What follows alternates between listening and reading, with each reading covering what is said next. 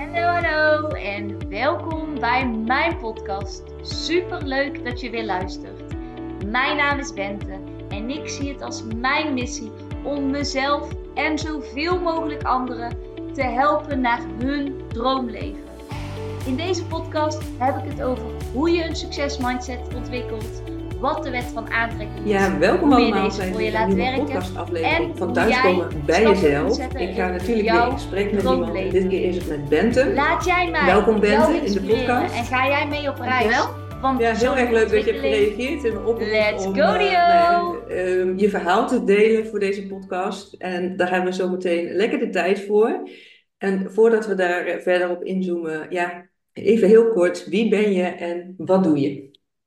Ja, nou superleuk eh, dat ik de gast mag zijn. Ehm, ik ben Bente en ja, bij mij kwam er altijd eh, meteen daarna en ik ben juf, want eh, ik werkte, of ik werk als leerkracht in het basisonderwijs. En ehm, na, sinds een paar jaar vind ik eigenlijk die vraag soms best lastig om te antwoorden, omdat ehm, een aantal jaar geleden kreeg ik een burn-out en op dat moment gaat toch, ja, ga je heel erg ehm, vragen stellen bij je, bij je identiteit. En dat ik me ja, thuis kwam zitten zonder, of ja, wel met baan, maar dat ik niet mijn baan kon uitvoeren. En dat ik dacht van, ja, ben ik juf of ben ik eigenlijk in eerste instantie Bente? En ehm, ik ben er wel achter gekomen dat ik gewoon Bente ben en dat ik daarnaast heel veel interesses heb. En eh, dat ik werkzaam ben op een school, maar dat dat niet meer volledig ja, mijn identiteit is. Ehm, nou, ik ben, ik ben dus nu nog werkzaam in het onderwijs. Ehm, daarnaast eh, volg ik ook meerdere opleidingen. Dat omschrijft ook wel een beetje wie, wie ik ben. Ik ben echt een eh, bezige bij, altijd bezig. Ehm, ik hou ook echt van persoonlijke ontwikkeling, groeien, ehm, kansen en mogelijkheden zien. En ja, ik denk dat dat een beetje in Ja. is Ja. wie ik ben, eh, wat ik doe. Ja, nou heel mooi dat je, wat je ook zegt is van toen ik met een burn-out thuis kwam te zitten, kon ik niet meer zeggen, of tenminste was je nog steeds juf, maar zat je op dat moment thuis. En dat is ook wel vaak wat ik zeg, want wat we vaak aan kinderen vragen is vaak de vraag van wat wil je laten worden als dat, of, dat alles omvattend is, in plaats van wie wil je laten zijn hè, als persoon en wat past er dan bij misschien als beroep. Maar, dus dat is wel een mooi voorbeeld van wat jij net schetst van ja, dan kom ik thuis te zitten met een burn-out en dan past dat stukje ik ben juf even niet meer. Nee. En ook gewoon dat je, dat je gewoon tot het besef komt van, ja, in eerste instantie zijn we personen. En ja, we doen iets van werk. En daar mogen we ehm, heel veel plezier uithalen, heel veel voldoening. Eh, maar wij zijn zoveel meer dan dat. En eh, ja, ik denk dat heel, veel- heel veel mensen daarin zoeken van, eh, om, ja, werk je om te leven of, of, of leef je bijna om te werken? En in de maatschappij is het soms bijna zo ingericht als het tweede. Alsof Ja. dat ehm, ja, de standaard is. Klopt, ja. Nou, daarom is deze podcast ook wel om daar jou verder, eh, of de mensen die kijken en luisteren, in verder ja, van, mee te inspireren, ook weer met jouw verhaal. Hè, van ja, wat heeft die burn-out en andere ja, eh, dingen die je mee hebt gemaakt in het leven wellicht jou gebracht tot waar je nu staat. Dus daar gaan we het eh, zeker ook over hebben. En ehm, ja, eigenlijk is de tweede vraag die ik altijd stel. De podcast heet Thuiskomen bij jezelf. Dus het is ook mijn vraag aan jou van in hoeverre voel jij je nu thuis bij jezelf? Ja, ik denk dat dat voor mij nog wel echt eh, een eh, proces is wat nog, nog in...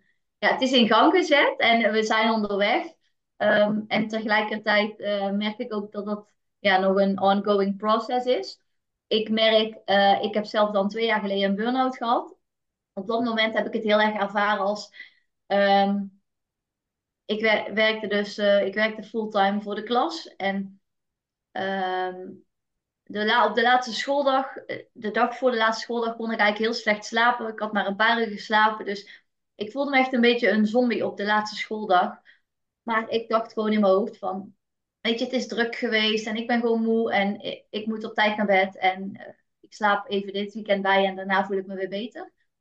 En ehm, ik ben ook meteen om half vier 's middags naar bed gegaan. Maar de volgende dag voelde ik me zo ellendig en ik kon niks anders dan huilen. En eh, enkele dagen later was het eigenlijk nog steeds zo. Helemaal nog steeds niet in het besef van oké, misschien, eh, eh, misschien is het echt te veel geweest. Want hoe was dat voor je? Want het is, ik vul het even in, maar denk ik iets wat je dan niet zo van jezelf herkende? Of, nee, dat niet. En ik had mezelf, ja, het klinkt echt heel, ehm, ja, hoe zeg je dat, oppervlakkig en kort door de bocht. Maar ik had gewoon nooit verwacht dat ik een burn-out zou krijgen. Ja, ik, ik wist wel dat andere mensen dat, dat, dat ooit hadden gekregen. Of, maar ja, de, ik, jou niet kende, ik kende dat niet. Dus ik herkende het ook letterlijk niet. Eh, ik merkte wel dat ik extreem moe was en zo. Dus ik gaf daar wel aan toe. En eh, na twee weken gingen we op vakantie. Als leerkracht heb je natuurlijk ook veel vakantie. Dus je hebt ook veel tijd om al een beetje tot rust te komen. Achteraf gezien had ik ook wel weinig energie op vakantie. Maar ja, ik legde die link nog niet. Tot ik weer naar werk moest. En eigenlijk, ja, ik gewoon mijn hart, weer hartkloppingen voelde. En eigenlijk na een paar dagen al zo overstrest was. Terwijl er eigenlijk nog helemaal geen kinderen waren. En ik puur met mijn collega's in de school wat dingen aan het voorbereiden was. Eh, dat ik eh, door in gesprek te gaan eigenlijk met andere mensen, dat andere mensen tegen mij zeiden van, eh, ja, ik denk dat je misschien naar de dokter moet. Oh, echt waar? Ja. En ehm, toen dacht ik bij mezelf van, oh, dat was het voor de zomervakantie. En ehm, ik heb daarna heel vaak de metafoor gebruikt van, eigenlijk was ik een, een hamster in zo'n hamsterrad. En als je maar blijft, blijft lopen, dan kun je ook heel, kan ook een hamster, die kan heel lang doordraaien in zo'n hamsterrad. Ja. Totdat iemand, bij wijze van het hamsterrad vastpakt, je plotseling tot stilstand komt en de hamster eruit vliegt. En dat was eigenlijk wat die vakantie met mij deed. Ik werd tot stilstand gebracht en ik vloog uit mijn hamsterrad. En helemaal gedesoriënteerd was ik van, oké, en nu? En toen begon eigenlijk een stukje persoonlijke ontwikkeling. Daar was ik al, ja, eigenlijk wel meerdere jaren al wel meer mee bezig in de zin van boeken lezen en dat soort dingen. Maar ja, dan word je even helemaal teruggegooid op jezelf van, oké, maar wie ben ik dan zonder mijn werk? En eh, wat blijft er dan nog over? En ja, ook alle materialistische dingen, die heb je wel. Maar wat, wat, wat zit er nou echt? Wat, Ja, wat betekent het ook misschien? ja, en, en, en wat wil ik, wat wil ik nu echt? Ja. En ehm, ja, dat, dat was wel een... Sorry dat ik je eh, onderbreken, want het is enerzijds dus, hè, je wordt uit het ramster, rams, hamsterrad sorry, gegooid en even nou ja, gedesoriënteerd zeg je over, oh ja, maar wie ben ik dan eh, hè, zonder dat werk? Maar ook van ehm, daar waar altijd alles misschien, dat je maar doorrende, zeg maar, met het besef van ik word plotseling stilgezet, eh, stilgezet van, oh ja, maar blijkbaar kan ik dat dus ook krijgen, zo'n burn-out, dat je dus ook daar vatbaar voor bent. Dus los dat je even niet kan werken, maar ook van, oh, maar wat deed het dan met jou dat jij die klachten ervaarde, zeg maar, ervoor? ja, ja, eh, het was bij mij in die zin gewoon zo heftig dat ik gewoon de eerste maanden, weken, ik kon echt niks anders dan gewoon echt meerdere keren op een dag uit het niets volledig in, in, in, in tranen zijn. Dus ik werd volledig overspoeld door, door verdriet. Ik dacht 's ochtends van, oh, vandaag ga ik misschien een wasje doen of eh, ik, ik, ik ga in ieder geval mezelf douchen. En dan kwam een vriend na zeven uur werken thuis en dan vroeg hij, wat heb je gedaan? En ik dacht echt van, ik heb ik zei, er is geen meer verschrikkelijk gevoel. De tijd is voorbij gestreken. En eh, alsof gewoon, ik heb, ik heb stilgestaan. Hoe was ik, dat om te ervaren bent? Kan je daar woorden aan geven van hoe dat op dat moment Eh, want ik kan me voorstellen dat er misschien ook mensen luisteren nu die, die nou ja, daar misschien ook in zo'n periode zitten. Maar hoe was dat voor jou? Want het is voor iedereen anders. ja, heel, heel heftig. Als mensen, eh, denk ik dat we altijd ehm, bepaalde eh, onrust op onbewust niveau vaak proberen te kopen met eh, kopingsmechanismes hebben. Door bijvoorbeeld te eten, te drinken, op stap te gaan, social media, noem het maar op. En op het moment dat, dat je dus dat het eigenlijk zo slecht met je gaat, ehm, dan heb je niks anders meer. ja, Dus je moet ook wel door die emoties heen. En op het moment dat je daar middenin zit, dan voelt dat echt verschrikkelijk. Ehm, terwijl tegelijkertijd wordt er denk ik ook, juist doordat het zo pittig is, worden er ook allerlei lagen afgebroken die eigenlijk vooral misschien voor je buitenwereld dienen. Maar ja. wat niet echt meer is wat echt bij jou past als persoon.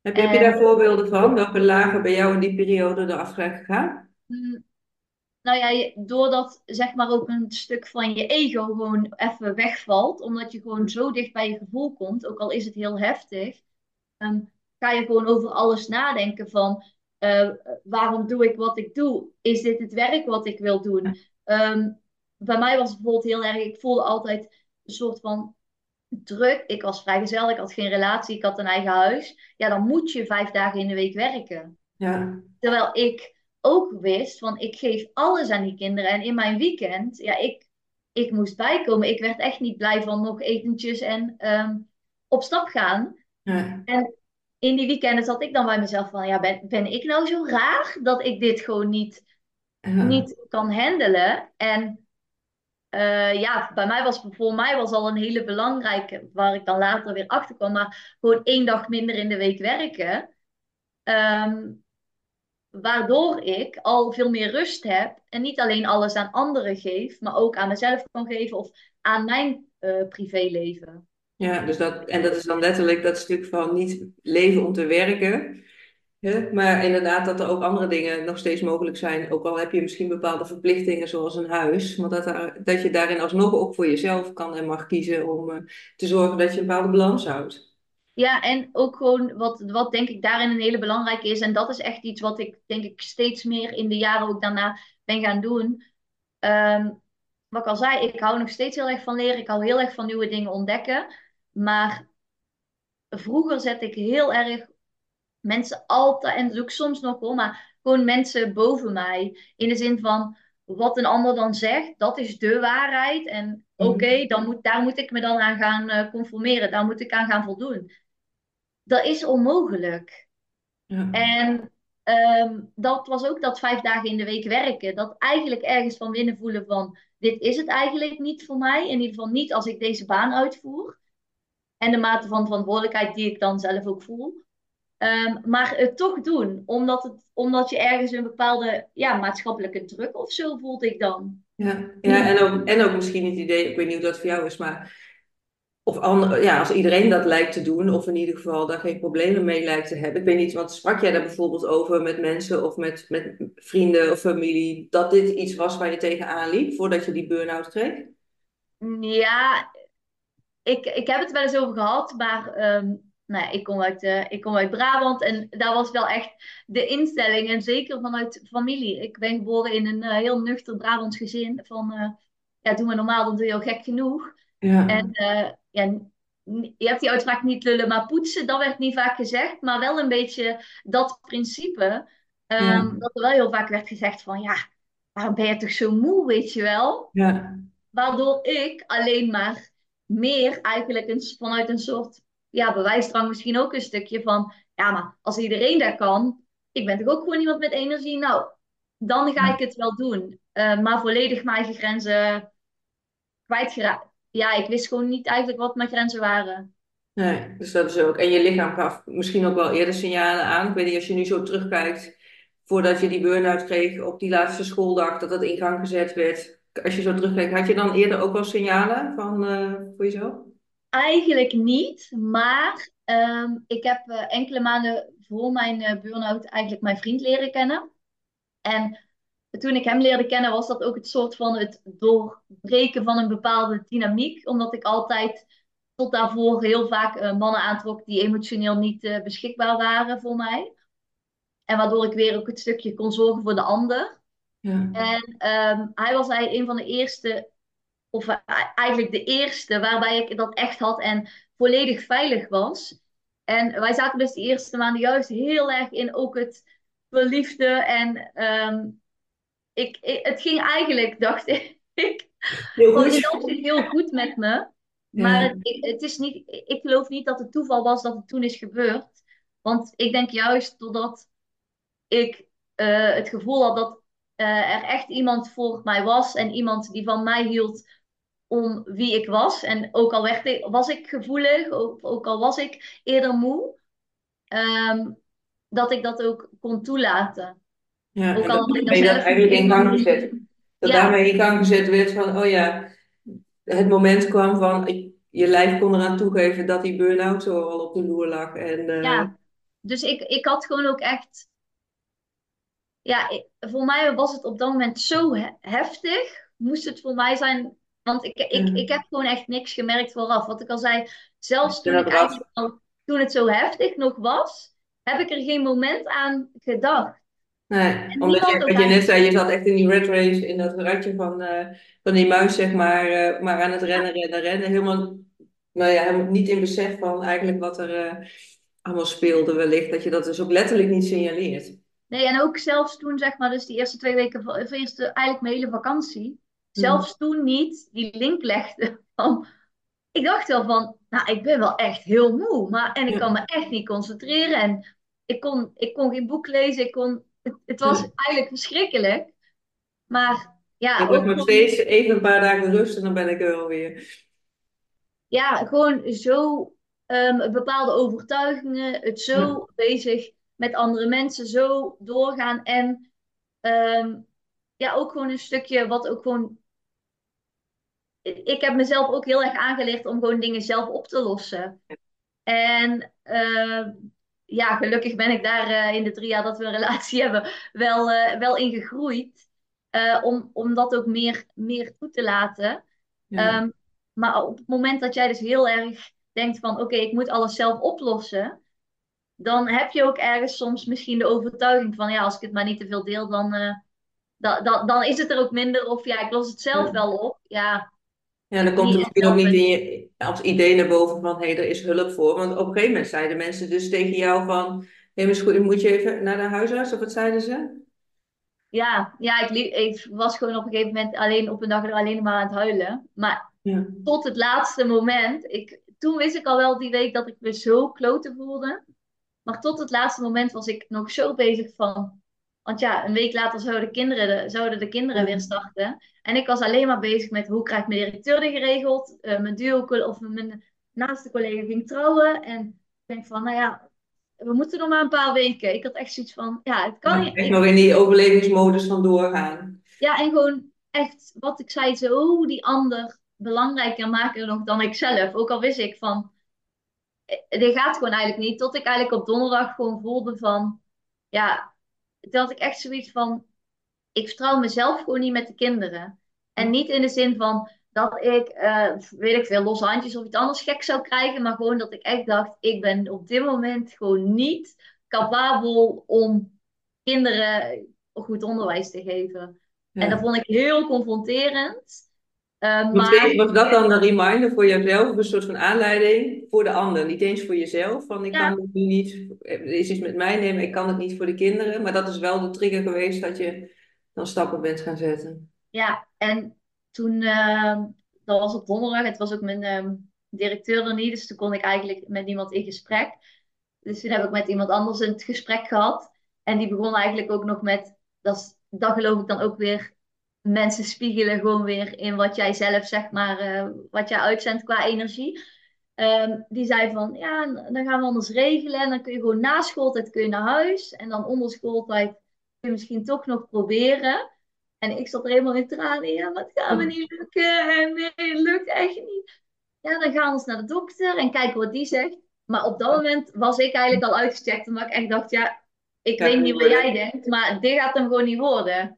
Nee, zo wil je ook niet voor de klas staan, toch? Huilend met Nee, maar ik had ook gewoon zoiets van... Dit is echt niet hoe ik mezelf ken. Nee. Nee. Zo extreem, zo extreem veel huilen. Zo zwaar op de hand. Want zo voelde ik me ook gewoon. Dat het gewoon... Ja, alsof er een donkere wolk boven je hangt. Ja. En eh, toen was eigenlijk nog, gingen we meer een beetje gesprek uit van, nou, kijk het even aan en eh, kijk maar wat je doet. En eh, toen heb ik eh, 's smiddags eh, een mailtje gestuurd naar haar en naar mijn directeur van, eh, ik kon de volgende dag pas naar de dokter, maar ik had gemaild, ik ben naar de dokter, of eh, ik heb een afspraak gemaakt bij de dokter, maar ik meld me bij deze ziek. Ja. En eh, toen ben ik inderdaad bij de dokter geweest de volgende dag. Ja, die zei van, ja, die lijken wel echt eh, heel erg burn-out. Ja, daar had ik toen inmiddels, dacht ik ook al wel van, oké, dat Ja. zal toch wel. En ehm, toen zei zij van in eerste instantie, neem drie weken rust. Nou, van dat advies kreeg ik al zoveel stress, omdat ik dacht, Ja, en dan? Ik voelde me zo ver weg van mezelf. Ik denk, nou, sorry, maar dit gaan we echt niet fixen in drie weken. Dat, eh, dat wist ik gewoon zeker. Dus daar waar je eerder dacht van hè, niet herkennen in een burn-out, was je op dat moment wel heel duidelijk bij jezelf van, oh ja, maar dit is, toen je eenmaal het besef had van, hé, er is wat aan de hand, van dat gaan we ook niet fixen in drie weken. Dat is, Nee, kijk, in die, in die week dat ik weer begon met werken, toen voelde ik eigenlijk al dat het gewoon Ja. echt, niet- het, het ging gewoon echt niet goed met mij. ja. Ehm, maar ik had zo de overtuiging van, ik moet maar doorgaan en ik moet sterk Hm. zijn en ik moet... eh, ik had de verantwoordelijkheid van de hele wereld op mijn schouders liggen. En eh, ja, mezelf in die zin ook heel belangrijk gemaakt, want ik dacht dat ik niet vervangbaar was. Nou, guess what? We zijn allemaal vervangbaar als het erop aankomt. ja, zeker. Ja. En ehm, gelukkig ook maar, want anders zou het betekenen dat inderdaad ons werk ons volledige leven is. En ja, dat, dat is niet zo. Nee, want hoe ging dat toen voor jou verder? Want je kreeg inderdaad van de huisarts het advies van nou, drie weken rust, maar je voelde zelf aan dan alles van ja, maar dat ga ik niet in drie weken fixen. Eh, hoe ben je daar toen mee verder gegaan? Of wat is er toen gebeurd? Nou, toen ehm, ehm, kreeg ik maandag, moest ik gelijk naar de, ehm, eh, hoe, hoe noem je dat, naar de bedrijfsarts. Dus na één dag ziek zijn. Alsof je dan al gelijk weet wat het, eh, ja. Oh, en nou ja, goed, dat was ehm, in de corona, in de coronatijd, dus dat was online. Nou, we hadden een gesprek van drie kwartier. Ik denk dat ik niet overdreven 15 keer opnieuw in tranen ben beland. Van, ik weet niet hoe ik het ga doen. En nou, die zei, we houden het advies even aan. Over drie weken kijken we verder. Ja, ik stak gewoon als een berg op tegen die drie weken. Ja. Eigenlijk Ehm, meer stress dan rust misschien ook wel op dat Ja, moment. zeker. Ja. Ehm, de eerste paar weken zat ik eigenlijk gewoon nog in. Ja, je hebt zo'n soort rouwproces. Ik denk dat, dat, dat je dat een beetje doorloopt. Dat je gewoon in eerste instantie is het ontkenning. En daarna, ja, zo heb je boosheid. En dan heb je verdriet. En zo heb je allerlei fases. En de eerste paar weken was voor mij eigenlijk gewoon een soort van in shock. Zo van, alsof je terugkijkt op situatie dat je denkt van, huh, maar wat, wat, is er, wat is er nou gebeurd? Ik, huh? In al die jaren ben ik, vroeger ging ik naar school als kind en daarna ben ik gaan werken als juf. Er is geen één moment na een vakantie geweest dat ik niet naar school ben geweest. En nu zit ik eh, ziek, ziek thuis, zeg maar. Eh, Ja. En niet ziek thuis van, oké, ik heb eh, een buikgriepje en ik ben er over een paar dagen of over een week weer. Maar ik heb geen flauw idee Ja. wanneer ik terugkom, of ik terugkom, wil ik nog wel in het onderwijs werken. Dus je hele leven, mijn hele leven, stond even op zijn kop. En het leven van iedereen ging verder. En ja, ik voelde me net alsof ik in zo'n film zat, dat ik stil stond en alles zo. Als je heen doorging, ja. Want je had ook die levensvragen van inderdaad, hè, wat betekent dan het werk voor mij en wat wil ik daar dan mee? Maar was het iets waar je dan vooral zelf mee bezig bent gegaan om de antwoorden op te krijgen? Of heb je op een bepaald moment ook wel iets van hulp gekregen of ingeschakeld? Ja, ehm, ik heb, ehm, ik ha- je hebt daar denk ik, als je zo eh, diep zit, heb je daar, is denk ik altijd fijn, laat ik het zo zeggen, om daar hulp bij te krijgen. Ehm, ik denk op het moment dat je zelf een keer door een dipje gaat of het gaat wat minder met je, dan denk ik dat je misschien door met de juiste mensen te praten of door boeken te lezen of podcasts te luisteren, je al best een eind op weg kan worden geholpen. Maar ik zat zo diep en ik kon geen boeken lezen en ik kon me niet concentreren. Dan is het heel fijn, voor mij in ieder geval, om daar ook eh, met iemand over te praten. Ik ben toen ook met een, ja, ik weet niet, volgens mij heette dat toen een wandelcoach, maar in ieder geval iemand of een natuurcoach. Iemand die ook eh, meer ja, dan ging je eigenlijk wandelen en ook door bepaalde metaforen uit de natuur en door oefeningen te doen, ehm, om eigenlijk ook meer tot, ja, tot, tot inzichten te komen. Omdat in eerste instantie had ik zoiets van, ja, de werkdruk ligt veel te hoog en echt, zeg maar, het wijzen van naar, zeg maar, eh, naar de school. Ja, ja. En ehm, het, ja, daar- daar ben je in het begin ook niet aan toe, maar het geen verantwoordelijkheid pakken ook, zeg maar, voor, voor je eigen stukje. En daarmee bedoel ik niet van nog strenger voor jezelf zijn, want ik was al heel streng voor mezelf. Maar wel om te kijken van, hoe is het nou zo ver gekomen? Hoe kan het nu dat ik zo erg die ander boven mezelf zet, eh, dat ik eh, letterlijk over de kop moet gaan, bijna doodziek moet zijn. En dat ik dan alsnog voor de ander, die bij wijze van morgen weggaat, alles wil laten vallen. Je eigen gezondheid. En, eh, Ja. ja. Ehm, dus met haar ben ik wel gaan onderzoeken van, weet je, wat heeft bepaalde opvoeding met je gedaan? Wat heb je daar als kind van geleerd? Ehm, welke dingen heb je misschien bij je ouders of bij je familie gezien waarvan je denkt, oh, ehm, daardoor doe ik nu wat ik doe. maar ook precies andersom. Door bepaalde dingen die ouders misschien heb, hebben gedaan of hebben gezegd. Of je familie waar jij niet achter stond. Wat heb je daar dan ook juist weer van geleerd? Dus om dat juist ook weer naar het uh, positieve te bekijken. Omdat uh, ja, op het moment denk ik als je echt in zo'n dip zit. Dan is het heel makkelijk om tegen alles en iedereen aan te schoppen. En uh, te zeggen van ja, het ligt bij de school en het ligt daar bij mijn ouders. En ja, nou ja, daar verandert de situatie niet mee. Iedereen, ja, je maakt iedereen in het leven bepaalde dingen mee. En uiteindelijk gaat het natuurlijk om hoe jij daar je weg in vindt en mee omgaat. Dus ik vind het wel mooi dat je zei in eerste instantie was ik nog naar alles en iedereen aan het wijzen. En de school en de drukte en alles. Maar op een gegeven moment kwam wel dat moment dat je bij jezelf kon gaan kijken. Oh ja, maar wacht eens even. Wat heb ik hier zelf in, uh, in te doen met alles wat nou ja, ik in de afgelopen jaren geleerd heb vanuit opvoeding of overtuigingen van de maatschappij of wat dan ook. Wat het ja. is wat je vormt. Ja. Ja, en ehm, ja, toen op een gegeven moment had, uh, na een aantal maanden had de bedrijfsarts ook wel in de gaten van ja, oké, dit gaat uh, niet uh, dat ik zoveel stress had van puur het idee van daar een keer een kopje koffie gaan drinken. Dus uiteindelijk, uh, ik heb ook echt drie kwart jaar of zo ben ik bijna volledig thuis uh, geweest. Dus echt lang wel. Vond ik in ieder geval zelf. Mm -hmm. um, maar dat was echt, echt nodig, zeg maar. En heel stapsgewijs en heel rustig aan opgebouwd. En um, ja, toen ik eenmaal uitviel, had ik ook echt zoiets van...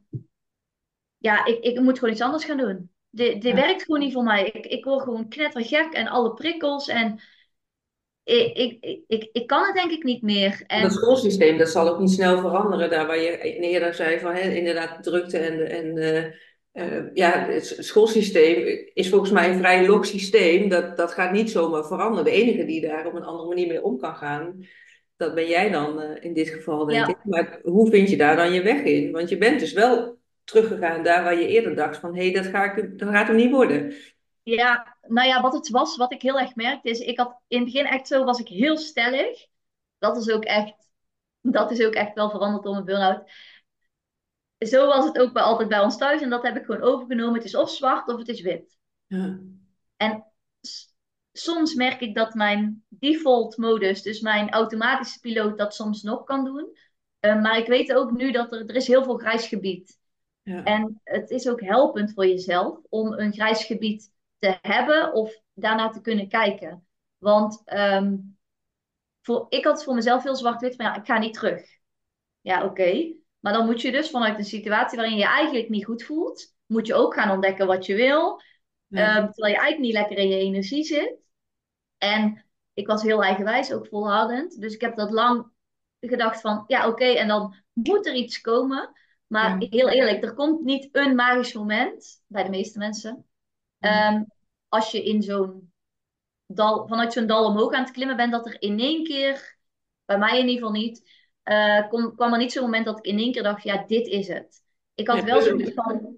Dus ook dat, um, ik weet niet waarom je juf bent geworden, maar als daar wel een bepaalde passie ligt, ja, dan is er ook niet in één keer iets anders voor in de plaats. Want kun je ons daar even kort in meenemen, wat maakte dat je überhaupt juf bent geworden? Ja, um, nou, ik heb eerst uh, na de middelbare school heb ik eigenlijk een mbo-opleiding sociaal-cultureel werk gedaan. Ik was 16 en ik wist eigenlijk niet zo goed wat ik wilde, maar ik wilde gewoon iets met mensen doen. En uh, vanuit daar merkte ik eigenlijk van, oh ja, met kinderen werken vind ik toch wel echt heel erg leuk. Um, toen heb ik een tijdje getwijfeld over pedagogiek en de PABO. Maar ja, omdat ik zelf zo houd van leren en het ook leuk vind om anderen iets te leren. En ja. ik gewoon kinderen heel eerlijk en oprecht vind. En ik denk dat wij als volwassenen mega veel kunnen leren van kinderen. Ja. En uh, het houdt mij ook jong, zeg maar weer. En het houdt mij energiek ook door om met kinderen te werken. En dat was denk ik ook mijn grootste shock toen ik in mijn burn-out kwam. Ik weet nog, zoals de dag van gisteren, dat ik, uh, toen ik nog de PABO deed, dat wij een college hadden. En dat ging over leerkrachten met lef. En dat je leerkrachten met lef nodig hebt om bepaalde dingen soms anders te doen. Of op een andere denkwijze in te brengen. En zeiden ze, waarom is dat? Omdat ja, het systeem is inderdaad best, dat is eigenlijk zwart-wit. Het, het schoolsysteem zoals het nu is. Um, dat er heel veel uh, startende leerkrachten binnen, van, de, van alle uitstroom, alle mensen die uit het onderwijs gaan, uh, was 70% binnen de eerste vijf jaar. Ja. En ik was toen helemaal in shock. Ja. Ik zat echt van, maar hoe kan dit nou? En Ik Ja. snapte er niks van. En ja, toen kwam ik dus na, ja, hoeveel jaar had ik toen gewerkt? Vier jaar of zo. Ja, dus je paste er mooi in het plaatje. Ik was, ik was die, bijna die statistiek. En Ja, toen dacht ik van, hoe is dit nou veranderd naar vier jaar geleden? Dit is de leukste baan die je kunt hebben. Naar, ja, ehm, dit is het. En ja. naar, naar hoe het toen was. En ehm, ja, nog steeds vind ik, sta ik helemaal achter die mening ehm, over kinderen. Maar ja, het, het is wel binnen een bepaald systeem. Ja. En ehm, ik merkte dat ik eh, wel heel veel energie haalde. Gewoon echt uit contact met kinderen en gewoon met kinderen werken. Ehm, maar ook eigenlijk met meer het stukje richting, ja, dat kon of met kinderen zijn of juist met volwassenen. Ehm, ook het stukje op het, op het coachingsvlak, zeg maar. Dus ik merkte dat ik steeds vaker, dat ik als vanzelf een beetje met mensen zulke soort gesprekken had.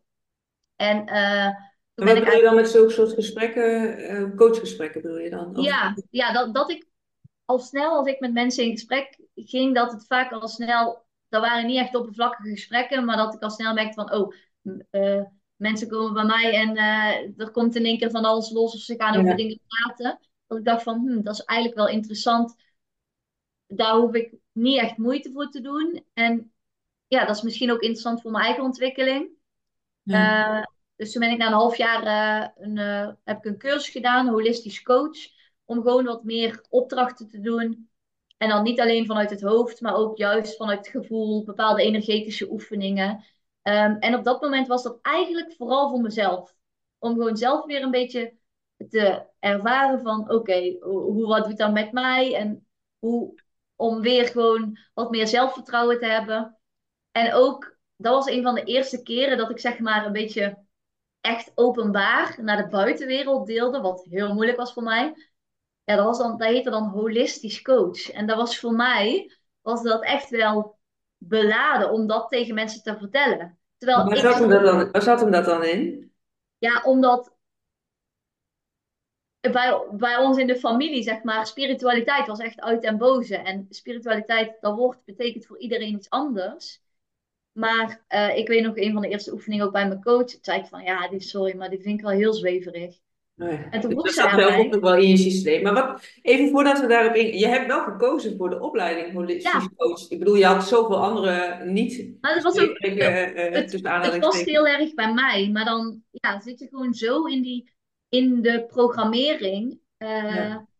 eh, dat je gewoon, en ja, bij mij zat dat gewoon heel diep, dat gewoon stemmen van bepaalde mensen gewoon in mijn hoofd eh, van, dit is, kwamen. dit is niet, eh, dit is zweverig. Terwijl je ergens dus voelde vanuit een soort voelend weten, dit is wel wat ik te doen heb.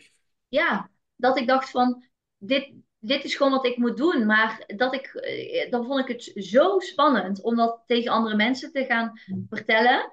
Of ja, niet tegen iedereen, maar mensen waarvan ik wist die daar een mening over hadden. Ja. En tegelijkertijd was dat denk ik ook juist heel belangrijk, omdat het soort van, ja, het was niet mijn coming out. Mensen, mijn ouders bijvoorbeeld, ze wisten wel dat ik zulke boeken las over persoonlijke ontwikkeling of over de wet van aantrekking. Maar dan trokken ze vaak hun wenkbrauwen op en dan zoiets van, ja, wat ben je nou toch allemaal weer aan het doen? Ja.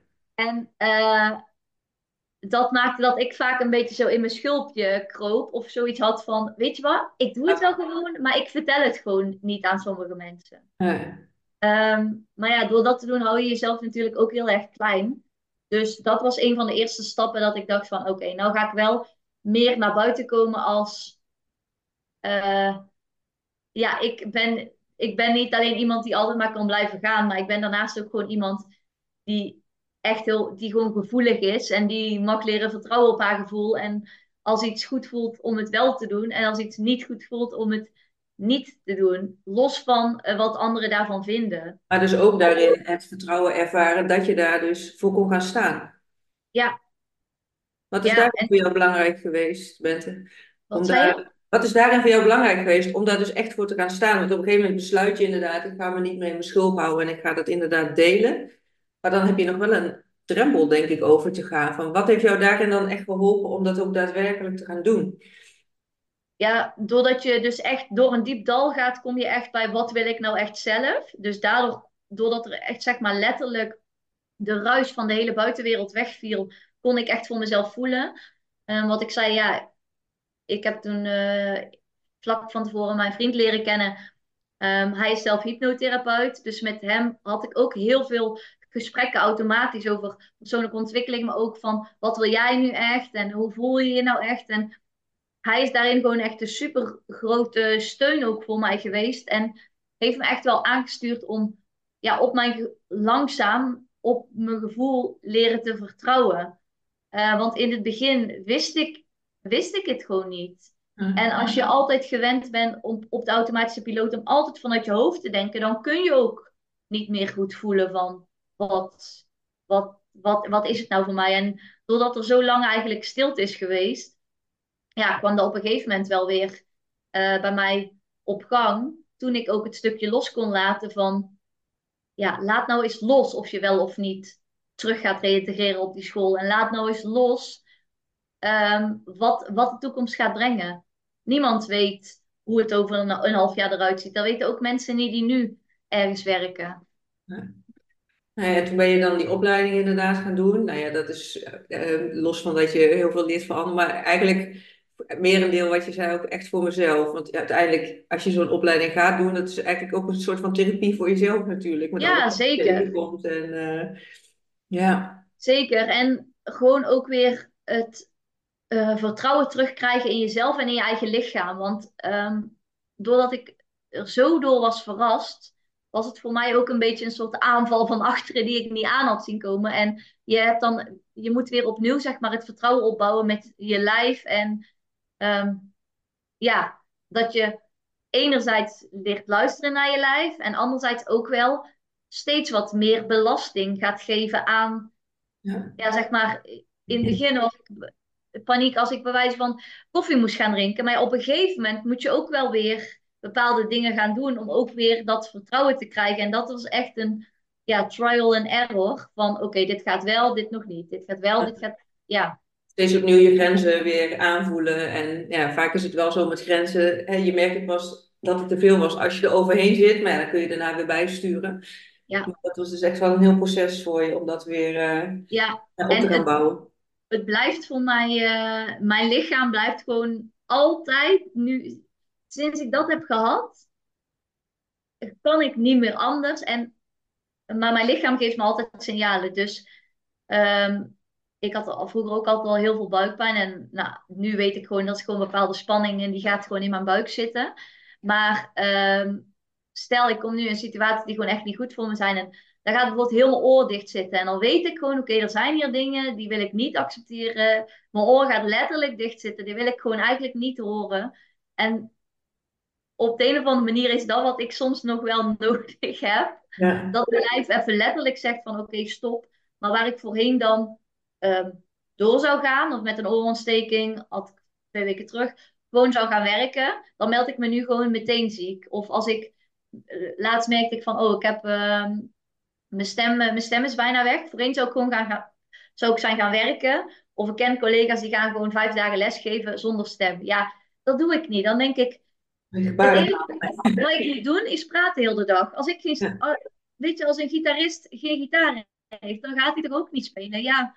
Ja. Ehm, en dat zijn van die dingen, dat, dat leer je dan wel. En tegelijkertijd merk ik ook dat dat voor heel veel mensen zo'n andere manier van denken is.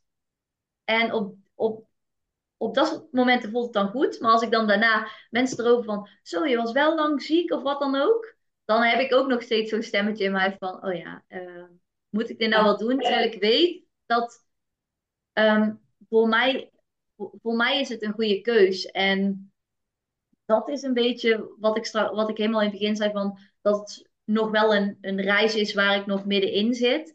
Um, ik moet mezelf wel steeds opnieuw eraan herinneren van, hallo, wij zijn hier alleen gekomen, we zullen ook alleen gaan.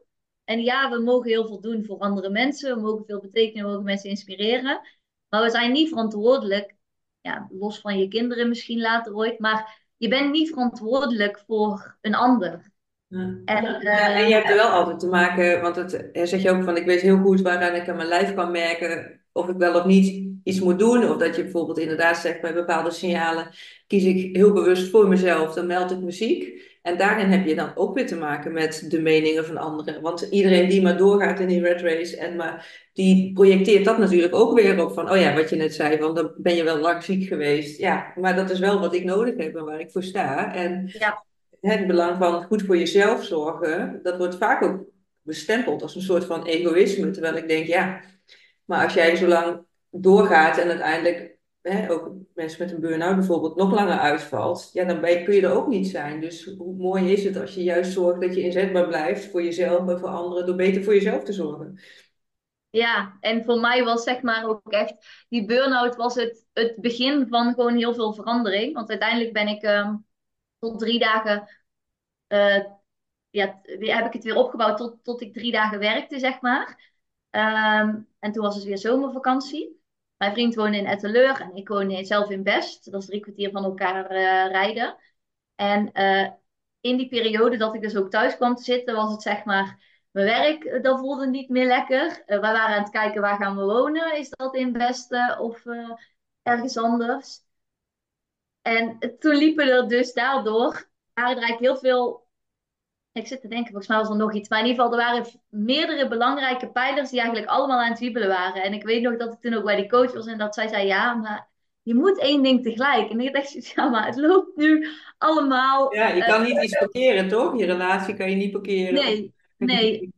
Eh, maar ja, uiteindelijk was het wel perfect. Want juist doordat het voor mij zo stil was, kon ik ook heel goed erover nadenken. Ehm, mijn vriend had een eigen praktijk in Den Bosch en, en hier in Etteleur. Eh, dus hij had in dat opzicht wel zijn werk. En eh, door die burn-out kwam ik dichter bij mezelf. Merkte ik ook van, oké, met bepaalde vrienden of mensen om me heen, matcht, die matcht, dat matcht eigenlijk niet meer zo met eh, wie ik nu, wie ik eigenlijk ben. Ehm, want ik ging gewoon meer luisteren naar mezelf. En meer luisteren naar jezelf is soms laten reageren op berichtjes, niet op feestjes zijn, niet op bepaalde momenten. En niet dat het altijd op een vervelende manier ging, maar als ja, je gezamenlijke interesses op een gegeven moment wegvallen of er niet meer zijn, ja, dan, dan groei je gewoon uit elkaar. Ja. En ehm, toen viel eigenlijk bij mij zo steeds meer weg, waardoor ik steeds meer kon gaan overwegen van, oké, ja, zie ik het nu echt zitten om daar te gaan wonen?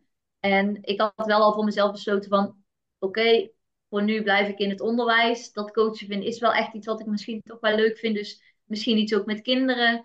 Ehm, maar eh, ja, eerst maar eens kijken hoe dit allemaal gaat vormgeven. En in ieder geval ja, had ik toen al wel besloten van ik wil één dag minder gaan werken en op een wat kleinere school. Ik werkte in de stad, wilde naar een dorp. Ik denk, nou, weet je, misschien scheelt dat ook al wel in bepaalde dingen die ik, eh, Ja. ja. En toen eh, heb ik dus besloten om naar mijn vriend te verhuizen, op een andere school te gaan werken, een dag minder. En eh, ja, ik ging drie kwartier verder wonen. Dus ja, dat brengt ook met zich mee dat er nog, nog een keer grote schoonmaken door eh, je familie en vriendenkring Ja. eh, gaat. Ehm, wat eigenlijk helemaal niet erg is, maar soms wel een beetje ja, confronterend of lastig is geweest op het moment dat er dan eigenlijk heel weinig mensen ehm, even overblijven. En Ja, en ook vaak omdat we ook wel met die overtuiging leven van bepaalde familie of vrienden die al heel lang in je leven staat, dat dat dan maar zo moet blijven. Terwijl, ja, dat is natuurlijk de vraag, hè? Moet je kosten wat kost een relatie in stand houden? Of mag het inderdaad zo zijn dat de wegen zich scheiden, of het nou familie is of, of, of vrienden. Maar inderdaad, als je zegt van, hé, hey, ik ben, eh, ik ben eh, ja, veranderen, hè, in ieder geval weer meer bij mezelf aan het eh, terugkomen. Ja, daar hangt ook ja. mee samen dat niet iedereen daarin meebeweegt. Nee, nee, nee, zeker niet. En dat heb ik ook wel gemerkt. De bepaalde ja, familie of vrienden die, die vonden dat heel lastig. En wat ik al zei, ik, of ja, dat heb ik misschien niet gezegd, maar ik kom uit een gezin wat heel nuchter is, maar ook uit een gezin waar niet, e- waarin niet echt werd gepraat over dingen die moeilijk waren. Ehm, dus ik heb wel geprobeerd toen ik ging verhuizen en toen ik erover nadacht, voor ik mijn vriend ging informeren, ehm, dat ik familie en vrienden ging meenemen van ik zit er serieus over na te denken, ik wil daar misschien gaan wonen, Ehm, hou daar rekening mee. Eh, dat was voor mij al, eh, al heel wat, zeg maar, omdat ik me altijd eigenlijk tegen liet houden door, ehm, door de mening van een ander. En op papier had ik het zeg maar goed voor elkaar. Ik was alleen, ik had een huis gekocht. Uh, ik zat daar twee jaar. Het, het, het, het, was gewoon eigenlijk heel goed. En mijn vriend had precies hetzelfde. Uh, en voor mij was het best wel logisch om hier naar Etteleur te verhuizen. Omdat ja, ik wilde toch ander werk. Hij had, mijn vriend had, had zijn eigen praktijk. En ja, als je dan toch steeds minder uh, vrienden hebt waarmee je nog echt die match echt voelt, ja, dan, dan is het ook die keuze makkelijker voor mij dan voor hem. Um, ja, voor bepaalde vrienden en familie was dat denk ik toch wel ja, lastig, omdat uh, vanuit, vanuit hun eigen stuk. Uh, ja, die vonden het lastig dat je wegging uit die ja, dat, ja, wat ik al zei, daar werd eigenlijk weinig over gepraat. En ik heb er natuurlijk wel een aantal keren, ja, ben ik daarover begonnen.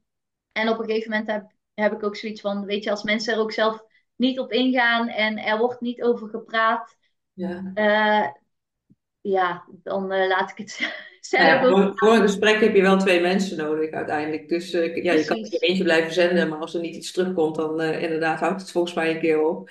Maar het heeft wel, je, je doen besluiten ook in het hele proces wat je hebt doorgemaakt om echt te gaan voor wat jij wilde. En je dus niet te laten tegenhouden door wat anderen daarvan zouden vinden dat je weg zou gaan uit best. Ja, en uh, ja, dat, dat, heb ik uiteindelijk gedaan. En doordat ik eigenlijk ook zelf daar zo in die periode ook echt naartoe kon groeien.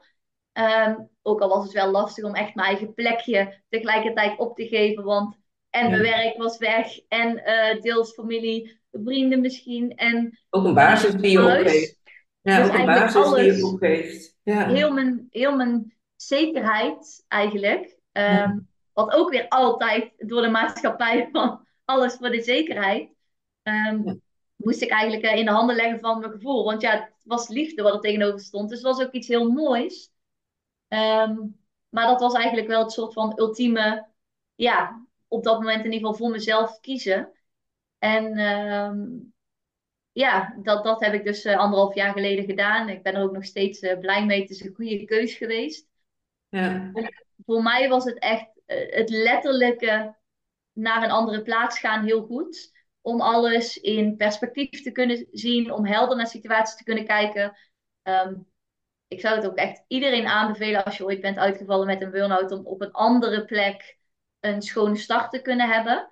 Want je kunt eigenlijk gewoon weer een nieuwe identiteit creëren. En die mensen kennen jou gewoon zoals de persoon van dat moment. En niet als de bent voor de burn-out en de bent na de burn-out. Want dat merkte ik dat dat voor veel mensen lastig was. Ja, dat bedoel, zoals ik hem dan interpreteer is dat je dan ook bedoelt van omdat jij een bepaald veranderproces meemaakt, dat niet iedereen die jou nog kent vanuit jouw voorgaande periode, zeg maar, met die verandering dan mee kunnen bewegen. Ja, en dat ik eigenlijk steeds meer, en nog steeds heb ik dat, elke dag opnieuw denk ik dat ik dichter bij mezelf kom. Ja. En uh, voor andere mensen zal, kan dat dan voelen alsof ik heel erg ben veranderd. En misschien ben ik, ja, voor mij voelt dat niet echt als verandering, maar juist als zeg maar een ui die steeds verder wordt afgepeld en gewoon dichter bij de kern komt van wat, wie ben ik nou echt en wat vind ik nou echt belangrijk. En ja, ehm, ja ik denk altijd als je dan ander gedrag laat zien, dan worden die mensen ook weer gespiegeld in hun eigen stuk van dat ze ook nog hetzelfde zijn gebleven, wat goed is. Maar ja, ik denk dat er dan vaak iets gaat wringen. Ja, en, want als het iets triggert, dan zit daar ja, vaak ook bij de ander natuurlijk. Het is inderdaad, het is een spiegel. En het is aan de ander of die dat wil aankijken of niet. Maar daar waar het niet aangekeken wil worden, of die persoon het niet wil aankijken, dan krijg je vaak dat het geëxternaliseerd wordt. En dus met die wijzende vinger, ja maar jij, zoals het in het begin van je burn-out ook was, van ja maar al die omstandigheden maken dat. Tot dat moment dat je echt bij jezelf naar binnen kan keren en daarmee aan de gang kan. Maar ja, dat geldt natuurlijk ook voor de mensen in je omgeving. Ja. zie dan maar eens voor jezelf te blijven kiezen, inderdaad. Hè? Dat je wat jij hebt gedaan ook echt zegt van nee, maar ik voel dat ik dit te doen heb, naar een andere plek gaan en uh, nieuwe start maken. In die zin een soort doorstart. En daar echt voor gaan. Ja, ja. daar dan hun weg in te gaan vinden. Ja, zeker. En uh, ja, dat, dat, dat, dat is soms het ja, hoe zeg je dat? Dat het zo twee kanten heeft. Omdat het voor jezelf ben je heel blij. Um, omdat het eigenlijk met jou in die zin steeds beter gaat. Omdat je dichter bij jezelf komt. En tegelijkertijd kan het ook pijnlijk zijn om dan de mensen die jij eigenlijk lief hebt. Of waarvan jij eh, had verwacht van, oh, die zouden bij mij zijn op zo'n moment dat die er dan eigenlijk niet bij zijn. Ja, dus het is ook wel, ehm, ja, ook een confronterend iets. Dat op het moment dat jij echt voor jezelf kiest, dat je daarmee ook mensen hè, of dingen verliest. Ja, ja. ja. en ik denk dat dat, dat misschien ook wel een, een angst is geweest waarom ik altijd uh, gewoon uh, maar door ben gegaan. Omdat je dus bang bent om bepaalde dingen, bepaalde mensen, bepaalde zekerheden uh, te verliezen. Um, maar ja, mo moet je altijd maar gaan voor die zekerheden en bang zijn voor, of ja, voor, voor wat als. Ja. En jezelf heel je leven verlogenen. Ja, want het, ten koste van wat gaat dat dan weer, hè? Want ja. uiteindelijk inderdaad uh, blijf je je voegen naar wat anderen van je verwachten. En je raakt daarmee die verbinding met jezelf weer kwijt. Of je komt niet dichter bij jezelf. Ja, uiteindelijk ga je daar, is mijn visie, ook de rente voor betalen. Ja, en ik merkte ook gewoon dat, dat ik eigenlijk steeds meer, en zeker toen ik me weer wat beter uh, ging voelen, en meer in persoonlijke ontwikkeling en de wet van aantrekking, en dat ik gewoon zo sterk ook voelde. Eerst meer voor anderen en daarna ook voor mezelf van, ja, maar wacht eens even, hallo, wij kunnen gewoon ons leven inrichten. En ja. we kunnen ons hele leven uh, vast blijven zitten, omdat ons dat is aangeleerd.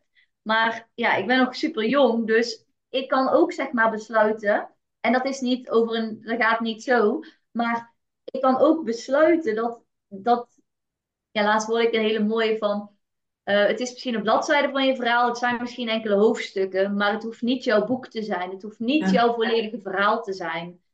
En dat vond ik gewoon een hele mooie en dat geloof ik ook heel sterk van. Iedereen maakt dingen mee, iedereen uh, heeft dingen meegemaakt. En als je er middenin zit, lijkt het soms zo extreem heftig. Maar het vormt je zo en het, het gaat uiteindelijk de reden zijn waardoor, waarom jij doet wat je doet. En ja, hij heeft ook gemaakt met jou die burn-out, dat je daarmee dichter bij jezelf bent gekomen. Door zeker. zeker die zwarte pagina's op in je boek, zeg maar, maar dat het wel heeft gemaakt van, oh maar wacht eens even, letterlijk stilgezet. Maar wat wil ik nu echt? Of wie ben ik nu echt? Ja, en een soort van gewoon, um, ja, choose again moment van, oké, ga ik inderdaad verder als een soort spook over mijn eigen leven? Of ga ik nu eens gewoon staan voor mezelf en ga ik langzaam maar zeker stappen zetten, zeg maar. En ja, uh, ja dat, dat heeft me gewoon heel erg geholpen. Want toen ben ik hier uh, komen werken en dat eerste jaar, nou, ik wist niet wat ik meemaakte. Ik had het zo relaxed en rustig, die ene dag minder werken. En het leven was weer mooi en ik had weer energie. En, uh, ja. en ook energie om buiten je werk om dus nog dingen te doen, want dat was Precies, eerder precies. Ja. En um, vanuit daar merkte ik ook van, oké, okay, en dit is een fijne plek om ook daadwerkelijk te gaan voelen. En wat klopt nu echt? Of wat voelt voor mij uh, nu nog als... Ja, waar, waar wil ik me nog verder in ontwikkelen? Ja. En um, ja, dit jaar ben ik dus gestart met twee opleidingen. Um, eentje is uh, ouder, ouder-kindcoach. Dus dan ga je eigenlijk heel erg in gesprek met ouders en met kinderen. Um, kan samen zijn, maar ook alleen met het kind. En dat kan heel breed in de vorm van praten, maar dat zou bewijzen van ook kunnen met klankschalen, een stukje energetisch. Ja, dus um, holistische, en dat is, ik zeg even tussen aanhalingstekens, maar uh, voor u vat het vooral niet verkeerd op, maar dat zweverige wat, wat je eerder... Ja, ja, ja zeker. Ja. ja. Want ja, uiteindelijk, um, het heeft me gewoon super hard getriggerd dat het altijd zo is gezegd, maar het staat haaks op wat ik geloof. Ja, wat je eigenlijk in de kern te doen hebt misschien wel. Ja, en ik geloof gewoon dat alles energie is. En um, uiteindelijk, uiteindelijk werkt de wet van aantrekking altijd, of mensen er nou in geloven of niet. Ja, het is als de wet van um, zwaartekracht werkt ook altijd. Dan kun je ook niet zeggen van zet ik Precies. um, dus dat, dat is iets wat ik gewoon echt super interessant vind. En ik vind dat ook heel leuk, omdat ik, ik sta nu voor de klas. Dus kleine dingen kan ik zo makkelijk toepassen. En um, omdat mijn vriend hypnotherapeut is, heeft hij wel regelmatig dat hij dan zegt van oh, uh, ik ben nu die ouders aan het begeleiden. Zou jij, um, dit is uh, met het kind, zou jij daar iets mee kunnen? Ja. Um, dat, dat werkt voor mij gewoon heel fijn, omdat ik enerzijds zelf echt het stukje ken van het perfectionisme, het stukje faalangst. ik heb natuurlijk de ervaring vanuit het werken met kinderen, ehm, ja, door mijn opleiding en eh, door mijn werk. En ja, in de toekomst zie ik dat gewoon heel erg voor me, omdat het wel is om met kinderrecht aan de slag te gaan. Minder in een bepaald systeem, ja. waar ik dan nog steeds uh, wel het een en ander van vind. En uh, en ze ook kan bijbrengen waar jij in gelooft, zeg maar. Hè? Als je zegt, ja. auto's energie, daar geloof ik ook heel sterk in. Maar dat is niet wat we leren op school. Of, nou, ik kom zelf uit de geestelijke gezondheidszorg, heb ik twintig jaar gewerkt, ook bewust uitgestapt. Het voelt zo als symptoombestrijding, in plaats van dat je echt naar de kern gaat. En dat is ook met, denk ik, met het opvoeden van kinderen op een school. Dat je ze ook meer mee kan geven dan waar wij weer mee zijn opgevoed. Van uh, ja. moeten horen en moeten, en, maar dat er veel meer is. Ja, en op het moment dat ik zeg maar ook die shift kon maken van oké, ik ben nu oké met wat het is. En ehm, ik ga kijken naar wat is mijn cirkel van invloed. Oké, soms irriteer ik me nog aan het schoolsysteem en denk van wat zijn we aan het doen met z'n allen. Maar dan, als ik dan weer terug ga van oké, en wat kan ik nou gewoon vandaag doen in mijn eigen klas? Ik kan vandaag iets doen met mindset. Ik kan vandaag, ik kan accepteren dat zij, luisteren. kinderen luisteren fantastisch. Ik heb kleuters in mijn klas die zijn vier of vijf jaar, die luisteren fantastisch goed naar een gevoel. Die kunnen fantastisch goed met hun emoties omgaan. Die kunnen fantastisch maar die zijn nog niet, niet geïndoctrineerd door alle overtuigingen die wij als volwassenen zo meegeven. Precies. Maar op het moment dat ik daar te veel in ga zitten, dan kom ik weer heel erg tegen zeg maar, uh, de wanden en uh, dat ik, dat ik eruit moet. En nu weet ik gewoon, oké, ik ben stappen aan het zetten. Ik ben bezig met die opleiding. Het duurt twee jaar. Ik ben ja, in ben, ik heb nu een half jaar uh, gehad. Um, daarnaast volg ik nog een, uh, een uh, opleiding, die heet, dat heet Luisterkind. Um, dan ga je eigenlijk op basis van foto's van kinderen, ga je eigenlijk echt intunen op die energie. En ga je eigenlijk zo met die energie in het gesprek. Dus dat kan bijvoorbeeld zijn als een kind slecht slaapt of veel woedeaanvallen heeft, maar ook oudere mensen met bijvoorbeeld dementie. het kan zelfs met um, baby's die nog in de buik zitten of mensen die bijvoorbeeld een, een eh, onvervulde kinderwens hebben. En het is geen um, mediumschap, maar het is echt het idee dat je met die energie in gesprek gaat. Dus waar het bij mediumschap echt iemand is die zoveel mogelijk informatie deelt, is het dan echt de bedoeling dat je eigenlijk, ja, stel, uh, ik praat met een, uh, praat met een, ik het even praten, maar ik praat met een babytje. Dan is het van, hé, hey, hoe gaat het met jou? Kun je eens wat vertellen over je papa? Kun je eens wat vertellen over je mama? Um, en dat je zo eigenlijk een, ja, ouders een verslag of zo in gesprek zou het ook kunnen. Maar dat je ouders um, ja, zo eigenlijk een stapje verder helpt zonder dat je letterlijk fysiek met het kind hoeft te werken. Ja, nou ja, dan heb je dat inderdaad, alles is energie en dat je op een andere manier kan communiceren met elkaar dan alleen maar de verbale taal of elkaar moeten zien. Uh, dat is natuurlijk ook waar Reiki bijvoorbeeld op gebaseerd is. Of uh, nou ja, uh, andere vormen daarin. Ja, ja en dan komen gewoon met die, met die dingen samen, denk ik gewoon, dan komen er gewoon heel veel dingen die ik interessant. Kijk, ik vind het leuk om te schrijven. Ik hou van het werken met kinderen. Maar ik vind het, die twee dingen vind ik een fantastische combinatie. Omdat je zowel kunt werken met, al, met ouders en een kind wat ook echt openstaan om bijvoorbeeld iets met mij te doen. Maar dus ook met bijvoorbeeld babytjes iets kan doen. Of waar je nog niet kunt communiceren. Dat je toch al iets kunt betekenen voor ja, een gezin. Ja. En maar wat een stappen heb je dan gezet? Als ik nu hoor wat je, eh, zeker ook met dat luisterkind, waarvan je dacht, ik kom uit een gezin met, waar helemaal geen ruimte was voor spiritualiteit. En je hebt dus nu je weg gevonden naar, om dit te gaan doen voor jezelf en daarmee dus ook voor anderen. Ja. Dat is een wereld van verschil natuurlijk. Ja, ja dat is, uh, wat ik al zei, het, het was ook gewoon, uh, het was nodig, zeg maar. En ehm, dat vond ik wel een mooie bewustwording ook weer bij mezelf. In september begon ik dan de opleiding ouder-kindcoach. En eigenlijk alle vrouwen uit mijn groep, um, ik had mijn verhaal al gedaan, want het was gewoon van, wie ben jij en waarom ben je hier? En toen zei ik van, ja, ik ben Bente en ik werk nog in het onderwijs. Maar ja, ik zou gewoon het liefst zoveel mogelijk ouders en gezinnen willen helpen, omdat ik gewoon ook echt geloof dat, zeg maar, jouw droomleven, dat is echt mijn overtuiging, dat iedereen heeft zijn manier en zijn beeld bij een droomleven, maar ik geloof dat het droomleven voor iedereen dat wat mogelijk is. En dat um, jij hebt een ander droomleven als ik, maar dat maakt niet uit. wij zouden allemaal hetzelfde kunnen hebben. Dat is puur, dat is puur een, stuk, een stuk energie, daar geloof ik heel sterk in. En ik was erover aan het vertellen en ja, dan, dan word ik gewoon helemaal blij. En toen merkte ik daarna dat alle andere vrouwen, die vertelden in hun beginverhaal dat ze allemaal een burn-out hadden gehad. En ik dacht bij mezelf, verrek, ja, ik heb dat ook gehad, maar ik heb het eigenlijk Ja, niet in de introductie verteld. En dat vond ik een hele fijne, omdat ik dacht, ehm, nou ja, je hebt gezien, ik kan er nog steeds heel veel over vertellen, maar het is een stuk van mijn verhaal en het is niet meer, het is ook niet volledig wie ik ben. Nee, nou, het is een onderdeel misschien wel in je reis geweest. Wat heeft mogen Ja, gebeuren? Hè, wat je zei, ik heb het nodig gehad om tot het punt te komen waar je nu staat. Maar het is ook weer niet wie je bent. nee, Dus dat, dat je daar ook nu een soort van los van bent en dat, dat je weer je focus hebt. Want dat is denk ik ook, als je het hebt over de wet van aantrekking je trekt aan wat je uitzendt, alles wat je aandacht geeft groeit. Dus hoe langer jij, hè, natuurlijk is goed om, om te delen van waar je vandaan komt. Als je heel erg focust op die burn-out, ja, dan ga je daar ook weer meer van om je heen zien. Terwijl je juist heel veel andere dingen nu te brengen hebt, wat getriggerd is door die burn-out, dat het vrijgekomen is. Want anders had je die nu niet gestaan waar je nu staat.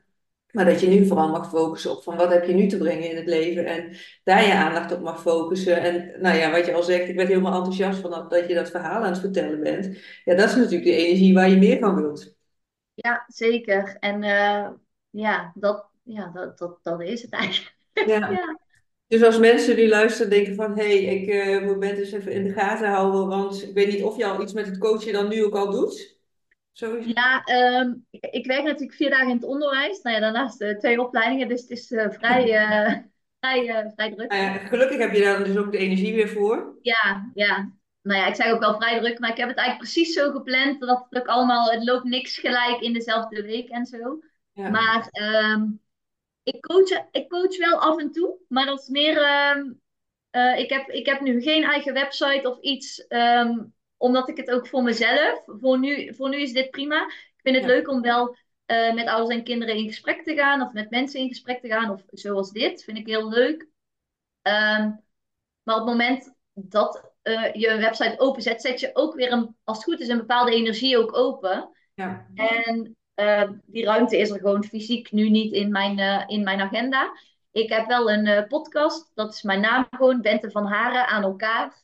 Ehm, ook op Instagram deel ik daar af en toe wat over. Ehm, een half jaar geleden merk- merkte ik dat ik heel veel op Instagram zat, meer qua scrollen. Dus super actief op Instagram ben ik nu niet. Ehm, maar op mijn podcast eh, ja, ben ik eigenlijk wel. Vorige week was het even wat minder in verband met ziekte, maar vijf keer eh, in de week eh, deel ik daar wel dingetjes over.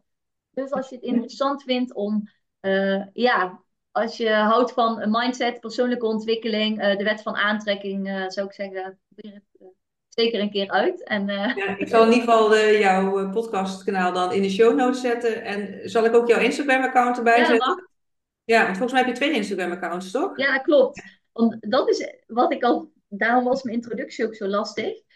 Ik hou gewoon van heel veel verschillende dingen. Ehm, alleen ik heb dus ehm, een Instagram, de kleuters van juf Bente. Omdat dat heel specifiek, dat is echt eigenlijk de doelgroep van ja, juffen en meesters, collega's eh, volgen mij. En dat is niet dat het niet door elkaar kan, maar ja, dan deel ik bijvoorbeeld dingen over hoe ik mijn kleuterklas inricht. Ja. Ja, mensen die eh, iets willen weten over coaching of over persoonlijke ontwikkeling, die hebben daar niet zoveel mee.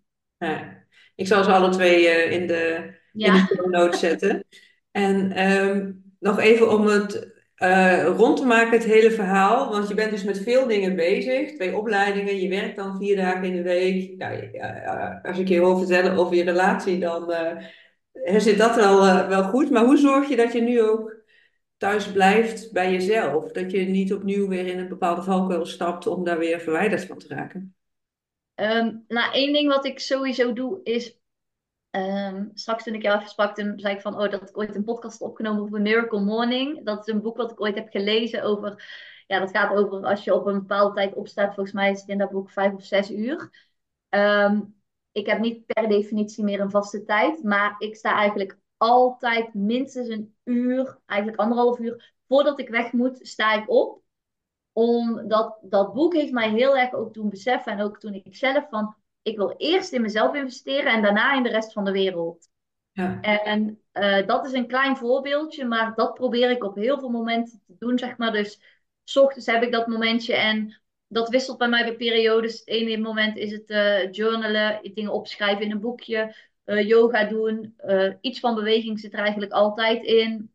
Maar gewoon dat ik eerst tijd heb voor mezelf en daarna ga ik werken en doe ik van alles voor andere mensen.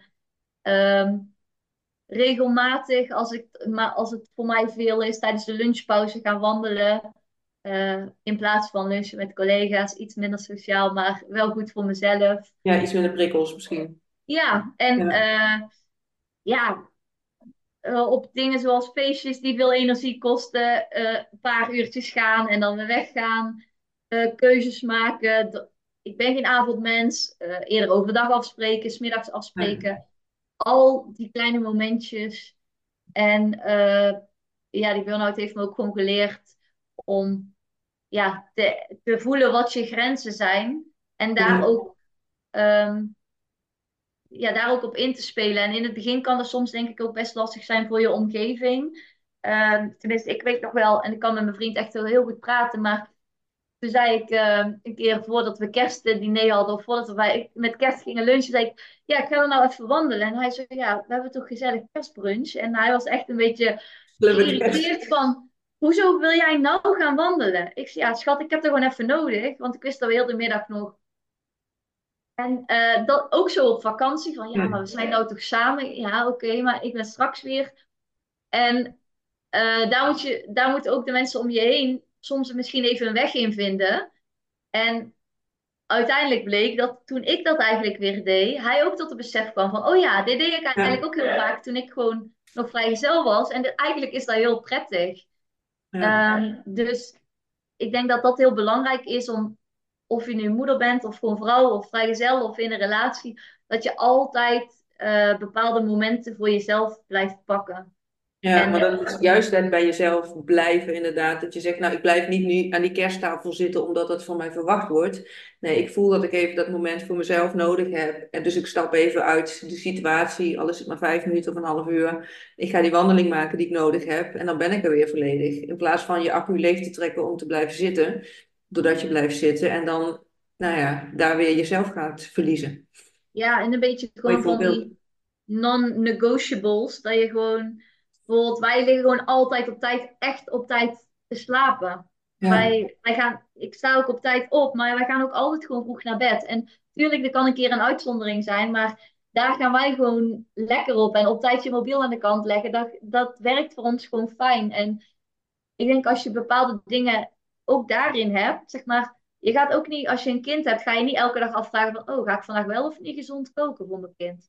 ja, Eh, gaan we nou, ga- ja, oké, misschien sommige mensen, maar of gaan we elke dag afhalen? Dan ga je niet elke dag jezelf afvragen. En nee, zo zou het voor jezelf ook moeten zijn. Waarom, waarom stellen we onszelf elke dag de vraag van, oh, gaan we nou vandaag voor onszelf zorgen? Ja, ja.